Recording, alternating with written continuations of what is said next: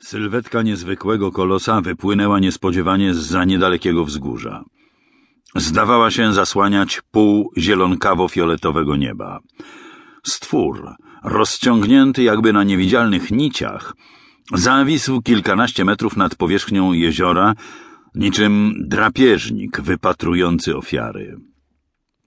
Adam złapał się na tym, że określił aktywność organizmu stosując ludzką miarę i wyobrażenia. Tymczasem stworzenie nie posiadało zmysłów wzroku, słuchu czy węchu, w takim sensie, jaki mógł być zrozumiały dla kogoś wychowanego i stale mieszkającego na planetach Układu Głównego, czy w koloniach. Jak ochrzcili to coś tutejsi naukowcy? Spiagot. To był akronim nazwisk odkrywców tego gatunku. Spiariniego i Gotina. Zwierzę miało niezliczone, biegnące wzdłuż ciała rzędy wyrostków, dzięki którym skanowało otoczenie. Te narządy pełniły także szereg innych funkcji, ale jak do tej pory nie zdołano jeszcze wszystkich określić. Nic zresztą dziwnego, gdyż świat, na którym żyły spiagoty, został odkryty stosunkowo niedawno. Wiązano z nim wprawdzie spore nadzieje, jednak dopiero półtora roku temu została tutaj założona placówka badawcza z prawdziwego zdarzenia. Zwierzę drgnęło. Jego ciało przeszedł spazm. Ruszyło w stronę brzegu wprost na znieruchomiałego człowieka. Adam błyskawicznie wdusił czerwony przycisk w płytce na piersi skafandra. Spiagot, który już zaczął zwijać się, aby dosięgnąć intruza, znieruchomiał. Stracił zainteresowanie obcą istotą. Przypominał w tej chwili niedosmażony naleśnik, który wylądował na stole, zwisając jedną częścią poza krawędź blatu. Po chwili szarawe ciało znów zaczęło przypominać gigantyczny dysk. Tylko wyrostki kręciły się czujnie. Jednak nie budowa organizmu, czy sposób polowania, albo narządy zmysłów były w przypadku spiagotów najbardziej zadziwiające. Ostatecznie na wielu planetach można było spotkać nieprawdopodobne i dziwaczne formy życia.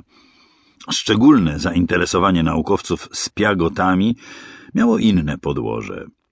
Chodziło tu o sposób poruszania się, a raczej umiejętność pływania w powietrzu, w warunkach grawitacji dwu i półkrotnie większej niż standardowa. Trzydzieści dwie tony, rozległ się w słuchawkach cichy głos. Tyle ważyłby na Ziemi. Tutaj trzeba to pomnożyć przez 2,54. Adam odwrócił się. Nie słyszał zbliżającego się egzobiologa, ale nie było w tym nic dziwnego. Skafander skutecznie tłumił wszelkie odgłosy, jeśli nie ustawiło się mikrofonów zewnętrznych przynajmniej na jedną ósmą mocy. A mężczyzna chciał być sam, przemyśleć kilka spraw. W ogóle wyłączył więc nasłuch.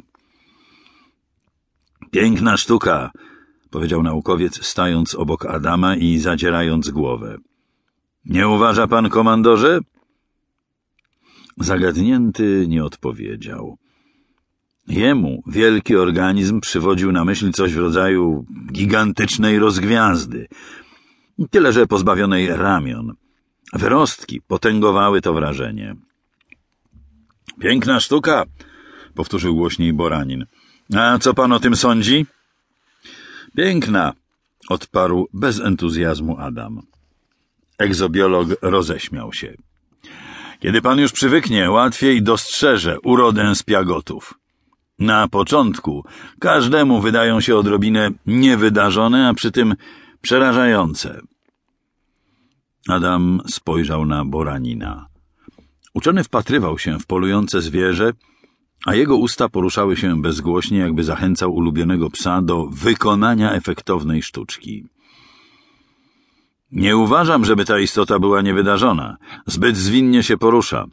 No ale trochę przerażająca jest, z całą pewnością.